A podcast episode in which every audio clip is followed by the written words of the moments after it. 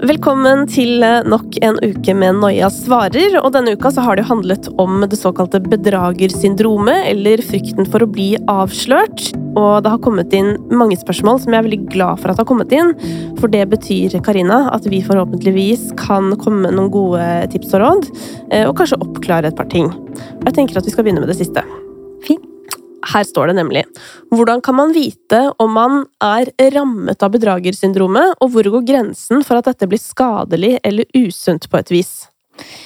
Hvor grensen går for om dette blir skadelig eller usunt, det er opp til hver enkelt, tenker jeg, å avgjøre for seg selv, om det er noe som hemmer en selv i å leve livet på den måten man ønsker. Det er gråsoner, det er, det er en skala, vi kan kanskje kjenne oss igjen i, i flere ting, alle sammen, men uten at det vil si at vi lider under det. Mm. Det er grader av, tenker jeg. Vi skal til eh, en eh, som er student, og som skriver følgende til oss. Jeg er student, men jeg er ganske sikker på at jeg ikke har noe der å gjøre, Eh, og jeg får angstanfall av å få bestått på en prøve eller eksamen fordi jeg tror at foreleserne må ha tatt feil. Er dette vanlig? Og hva kan jeg gjøre for å forhindre disse tankene? Hva handler det om? Hva blir du engstelig for, hvis jeg skal stille direkte til innsender, når du får bestått på en prøve, hvilke tanker aktiveres i deg? Der tenker jeg du kan komme tettere på hva det er som skaper angsten, hva kilden er, og på den måten gå mer konstruktivt til verks og, og faktisk eh, eh, avklare hva, hva det handler om. Mm. Det står her at dette tar jo alt av krefter jeg har, og når man da også skal være ansatt, huseier, kjæreste, hundeeier osv., så, videre, så strekker jeg virkelig ikke til, og da får jo tanken rett, da. Jeg er ingenting. Jeg tar feil. Men tror dere dette er vanlig tankegang hos studenter?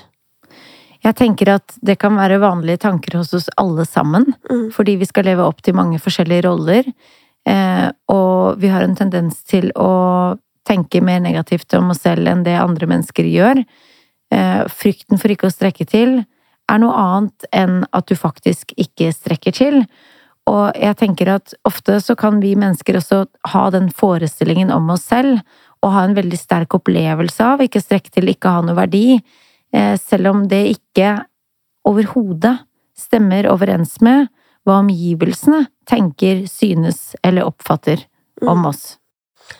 Vi skal til en som skriver eh, til oss. Jeg kan ofte få følelsen av at jeg lurer noen til å tro at jeg er mer kapabel, flink, interessant eller bra enn det jeg føler at jeg selv er, og jeg venter på at de vil se gjennom meg, og at jeg blir avslørt.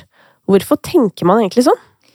Jeg tenker at i mange sammenhenger så kan det være mindre hensiktsmessig å gå inn og skulle avklare hvorfor, men heller tenke hvordan, tenke løsningsorientert, og fokusere på hvordan jeg kan håndtere dette på best mulig måte. Men samtidig så må jeg jo si at eh, dette med bedragersyndromet, det finner jo jeg veldig interessant, eh, både fordi jeg ikke sjøl har det, men også fordi det er noe mange beskriver ganske likt, og det gjør meg jo nysgjerrig på om det fins en sånn, la meg kalle det vanlig grunn da, til at noen har det på den måten. Jeg tenker at i bunn og grunn så handler det nok om frykt for ikke, være, for ikke å være god nok. Mm. For ikke å leve opp, for ikke å uh, ha verdi. Det handler om selvfølelse i bunn og grunn, og så tror man at man må levere, prestere eller yte på en bestemt måte for å, for å ha en verdi eller være god nok. Det kan være mye på spill den, av den grunn, fordi man har en tillært opplevelse av og ikke å strekke til. Hos mange så er det det som gjelder. Vi skal til en pårørende som har sendt oss eh, et spørsmål. Det står nemlig at vedkommende har en venninne eh, som eh, mistenkes å ha bedragersyndromet. Som med alle som sliter med dette, er det selvfølgelig ingen grunn til at man skal ha disse tankene om seg selv. Hun er helt utrolig flink i det hun gjør, en god venn, veldig morsom og snill, men hun kan få noen voldsomme reaksjoner hvis man gir henne et kompliment. Det er akkurat som at vi fòrer de negative tankene når vi sier noe fint til henne. Likevel vil man jo som venn overbevise om at hun faktisk er flink, fortjener det hun får til, og at man faktisk har lyst på ekte til å være vennen hennes. Har dere noen tips om hvordan man skal tilnærme seg dette som venn? Først og fremst, for en fantastisk venn du er. Enig, ass. Ja. eh, Det er sånn godt jeg varmer meg på, på sånne henvendelser. Mm. Og så tenker jeg at det du som venn kan gjøre, er å, å stille spørsmålet jeg har lyst til å altså, si det du har lyst til å si. Jeg har lyst til å si at jeg er imponert over hvor flink du er, eller eh, hva det er du ønsker å formidle. Og så kan du si at jeg er også nysgjerrig på hva du hører meg si. Og så kan det være en tilgang til en veldig fin samtale, for det høres ut som om venninnen hører kritikk. Mm. Hun hører noe annet, og det kan bli en veldig, veldig interessant samtale. Eh, og da kan man også nettopp italesette at det er en kløft mellom det budskapet hun ønsker å bringe, og den opplevelsen hun har av hvordan det oppfattes Mm. av mottaker. Godt råd, Karina. Da skal vi til eh, en innsender som skriver følgende til oss. Etter å ha hørt ukas episode, så føler jeg at min angst har blitt satt ord på. Jeg flyter mellom uro og angstanfall uten å helt forstå hvorfor, men frykten for å bli avslørt er sterkt gjenkjennelig. Den påvirker min hverdag i ufattelig sterk grad. Jeg føler på frykten for at jeg egentlig ikke er bra nok for kjæresten min som jeg har vært med i seks år, og jeg er gjennomgående livredd for at kollegene mine og sjefen min skal gjennomskue at jeg ikke mestrer jobben. Jeg opplever enorm problematikk rundt å få venner og nettverk fordi jeg hele tiden opplever meg selv på randen til å bli avslørt. Har hatt over åtte eh, ulike jobber hvor jeg har endt med å si opp alle fordi jeg ikke taklet å stå i frykten for å ikke være god nok lenger, står det her. Spørsmålet mitt er hvordan kan jeg få bedre kontroll over følelsene mine? Jeg blir veldig nysgjerrig på å kartlegge alt hva vedkommende gjør for å unngå å bli avslørt. For deretter å se på er det noe vedkommende kan teste og gjøre annerledes. For i det øyeblikket man for eksempel sier opp enhver jobb i frykten for å bli avslørt, så får man heller aldri anledning til å erfare at det er katastrofetanker, at det er ens egen opplevelse og oppfattelse og virkelighetsoppfatning Mm. enn virkeligheten i seg selv. Mm. Eh, Så den måten vi sikrer oss og unngår på, som i alle i møte med alle former for angst, det er at intensjonen er god, virkningen på kort sikt er lettende, men på lang sikt er det i beste fall vedlikeholdende, i verste fall forsterkende. Mm. Um, så, så det, og så tenker jeg, det å komme enda tettere på og kanskje skrive ned, notere, eh, bli kjent med de tankene, og se, se etter mulighetene for å, å sette ord på de ovenfor én eller noen få man har tillit til, som man kan dele det med. Mm. Og så tenker jeg én ting til, og det er å se etter motbeviser. Hvis du er forsker og skal navigere etter beviser og motbeviser, hva ser du da? Og da må vi stille spørsmål seg med tankene og følelsene, for de stemmer ikke alltid overens med virkeligheten, selv om det oppleves sånn, selv om det føles sånn, selv om man er overbevist i tankesettet. Så blir man med en gang tvunget til å gå mye mer kritisk til verks. Men her føler jeg jo at veldig mange går i en felle, og særlig folk som studerer, eksempel, som vedkommende også eh, beskriver at, eh, at blir gjort. Eh, Og her står det også 'jeg får toppkarakterer på studiet', men det forklarer jo folk med bedragersyndrom med at sensor ikke skjønner noe, eller at de har lurt sensor. Altså, de, man finner jo liksom alltid eh, motbevis til beviset også. Hvordan kan man på en måte utfordre tolkningen sin av disse bevisene? Spørre seg selv om det er andre forklaringer. Hva ville man sagt hvis det var en annen person?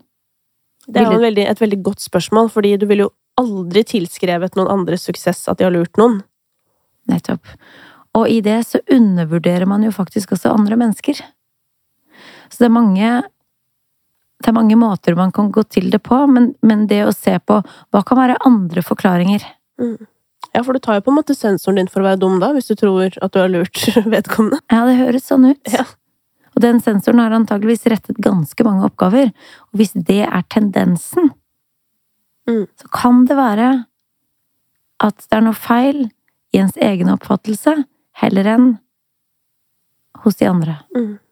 Men innsendere peker også på en annen ting helt i slutten av eh, innlegget, holdt jeg på å si, fordi eh, Og dette er noe jeg tror mange kan kjenne seg igjen i, det der med at man objektiv, objektivt sett vet noe.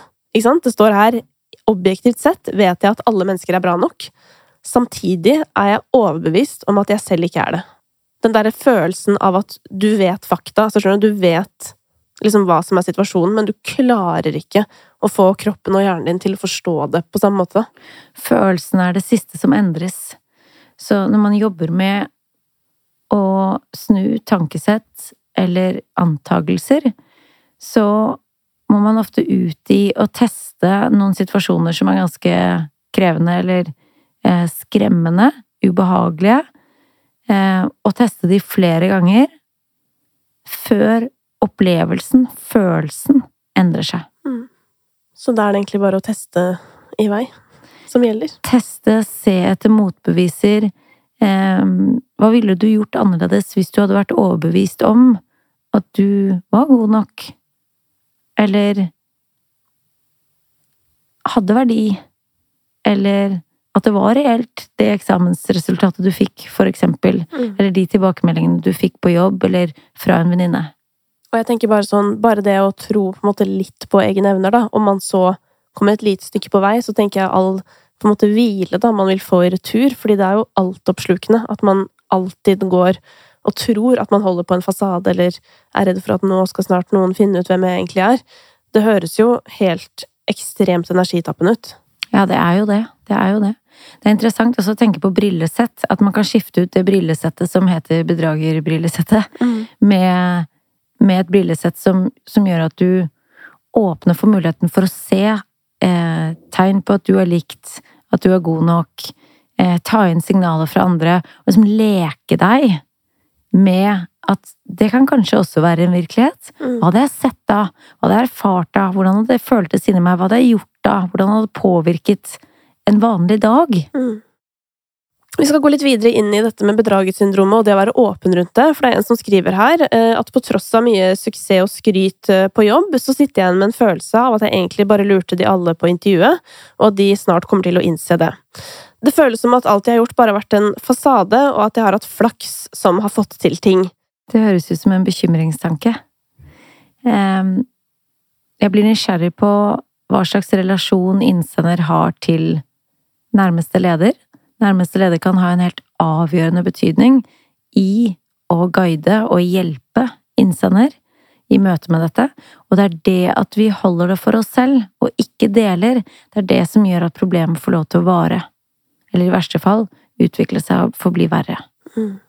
Og der tenker jeg også at sånn, eh, hvis man har sagt det til nærmeste leder, eller en på jobben for den saks skyld, da, eh, så kan man på en måte både få øve seg på å tenke andre tanker, men jeg tenker også at man kan få et litt mer sånn avslappa forhold til hele situasjonen. Jeg merker i hvert fall at for meg så er det på en måte, kall det humor, da har hatt litt sånn ganske mye å si i forhold til hvordan jeg møter angsten, og hvordan jeg håndterer den, bare fordi når man har en god dag, så kan man på en måte kødde litt med det, og så blir det på en måte ikke så gravalvorlig eh, problem. Nettopp. Det er, en, eh, det er et godt poeng. Humor er kjempeviktig. Em, og i det øyeblikket man sier noe høyt, så er det ikke så farlig lenger, eller det, det er som man tar brodden av det litt. Eh, og så tenker jeg at det gir en anledning til å få realitetsorientert egne tanker. Mm. De færreste av oss har godt av å gå for mye alene i vår egen verdensoppfatning uten å få input fra andre. Mm. Og dette gjelder spesielt i møte med sånne vanskelige tanker. De tankene vi helst ikke ønsker å tenke, eller i hvert fall ikke vil at andre skal vite at vi tenker eller kjenner på. Ehm, Så jeg tenker at jo mer motstand det er mot å dele, desto større er gevinsten i å faktisk si det høyt. Mm. Vi skal til en annen som kan relatere seg veldig til ukas gjest. Eh, Det står her Jeg føler selv sterke tendenser av bedragersyndromet. Jeg opplever daglig at all tillit jeg får, er et angrep. For det oppleves som at de vil avsløre meg, gi meg en oppgave jeg ikke vil mestre, sånn at de kan ta meg på det. Dette har gjort meg bitter og kynisk, jeg tør ikke å stole på noen, og har generelt en negativ og stressa holdning til alt jeg gjør hver dag. Hvordan kan jeg snu denne oppfatningen? Jeg blir nysgjerrig på hvilke erfaringer vedkommende har hatt, eh, som har medført dette tankesettet, da, denne tilgangen. Det høres ut som det er en Jeg tenker det er, det er jo en Det høres ut som det, er, det kan være noen erfaringer som har påvirket og lagt til rette for et sånt tankesett. Eh, Og igjen, kan det være andre forklaringer på at vedkommende får disse arbeidsoppgavene? Kan det være at andre mennesker har en annen innsikt? Hva vil du se da? Hva vil du høre? Hvordan vil du oppfatte omgivelsene og verden? Gå kritisk til verks i møte med egne tanker kan være lurt. Hvem vet hvordan du har det? Hvem tør du eventuelt å åpne deg opp for? Eh, det er en gave for den som får anledning til å bli invitert inn i det rommet, og eventuelt hjelpe deg i en sånn prosess med å snu dette tankesettet og få noen andre erfaringer, for det tenker jeg at vedkommende trenger. Mm.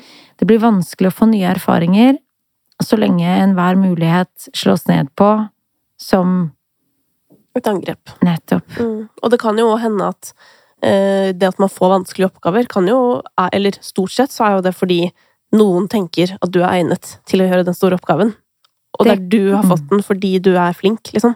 Det kan jo være et alternativ. Mm. Og så tenker jeg at hvis mennesker hadde så onde hensikter overfor hverandre, så ville vi vel heller ikke vært særlig opptatt av å å skulle bli likt av andre mennesker. Vi hadde heller ikke i så stor grad i verdenssammenheng faktisk søkt mot hverandre. Helt til slutt eh, i dag, Karina, så eh, har vi fått en generell tilbakemelding som jeg har lyst til å ta opp, selv om ikke det har noe direkte med bedragersyndrom å gjøre. Eh, det står nemlig her, etter jeg hørte dagens episode og enkelte andre episoder, så følte jeg meg ganske lei meg. Fordi jeg savner at dere snakker mer om oss som faktisk ikke jobber, som ikke klarer å treffe folk, eller har noen som venter på oss. Vi som egentlig ikke har noen, eh, og som har det på en sånn måte at vi må få mer av samfunnet enn vi kan gi. Det er mange i vår situasjon, og det er veldig sårt og skambelagt. Jeg savner mer fokus på at man kan skape identitet og et godt liv, selv om man ikke kan jobbe og er isolert, eh, gjennom eksempel å skape mening i de små tingene man får til. Hva tenker du om det, Karina? Jeg tenker mange ting, og jeg skulle ønske at vi kunne sette fokus på all tematikk. Mm. Jeg ville ønske i en ideell verden at alle følte seg sett og hørt og forstått og fikk noe ut av denne podkasten. Um, og at vi hadde mulighet for å belyse alt. Uh, jeg får medfølelse, jeg får respekt. Det er mange ting jeg har lyst til å si. Jeg skulle ønske igjen at vi kunne imøtekomme alle. Kanskje kan det også være sånn at det er nyansert, at det er noen ting man kan kjenne seg igjen i i hver episode, eller i flere av de, eller flesteparten av de, eh, og noen ting man ikke kan relatere til, eh, og det er helt greit. Og så er det sånn at selv om gjestene våre har andre mennesker, eller står i jobb, eller forteller om, så hvis vi selv opplever å være utenfor, så er det det vi vil se etter tegn på, og vi vil igjen kanskje føle oss utenfor istedenfor å koble oss på det vi faktisk kan relatere til. Det er mange fellesnevnere, tenker jeg, mellom enhver gjest og enhver lytter. Mm. Men det er ikke alltid man kanskje er oppmerksom på det, eller tenker over det. Mm. Vi mennesker er ganske like. Vi har de samme grunnfølelsene. Vi har ofte mange av de samme tankene. Vi har de samme grunnleggende fryktene. Vi har de samme grunnleggende behovene for å, for å høre til. Eh, så det er noen fellesnevnere som vi ofte kan se bort ifra hvis vi er i en tilstand som gjør at vi føler oss utenfor eller avskåret fra verden. Mm. Og det er også en tilstand vi alle mennesker kan relatere til og kan kjenne igjen. Mm. I perioder. Jeg vil også bare si at vi er så utrolig glad for alle tilbakemeldingene som kommer til oss, enten via noiapodkast.no eller vår side på Facebook, og denne type tilbakemeldinger er jo gull verdt for oss, og noe vi absolutt tar med oss videre inn i fortsettelsen av arbeidet. Og så kan vi jo også være såpass eh, åpne og ærlige, Karina, på at det har jo vært på en måte et aktivt valg fra vår side eh, å prøve å ha fokus på La meg kalle det positive, da. Altså hvordan kan vi håndtere uh, utfordringer som dukker opp, og hvordan kan vi på en måte være en del av samfunnet, prøve å holde oss i jobb eller komme seg ut, altså få ytre fokus, finne den ene personen å snakke med, nettopp fordi det er ting man vet at er virksomt, så fokuset vårt har til nå ligget der. Og så har jeg lyst til å si at selv om man ikke kan bidra i kraft av å stå i full jobb eller å leve i tråd med sånn som man ønsker. Så istedenfor å fokusere på det man ikke får til, eller det man gjerne skulle gjort, og fokusere på på hvilken måte kan jeg bidra? Hva er det jeg har som jeg kan gi til verden, til omgivelsene, akkurat i dag? Eller akkurat nå? Og fokusere på mestring. Mm. Se etter muligheter for å gi. Og da tenker jeg bare det å sende oss en tilbakemelding, det ser jo vi på som en gave, så selv der har man jo bidratt. Absolutt. Og det er mange måter å bidra på. Mm. Neste uke så skal du få møte Faten. Vi skal snakke om eh, sosial angst, men egentlig ganske mye mer enn det også. For Faten hun ble kjent da hun holdt en tordentale utenfor Stortinget, og har etter det fått ekstreme mengder med henvendelser og hat for sin hijab.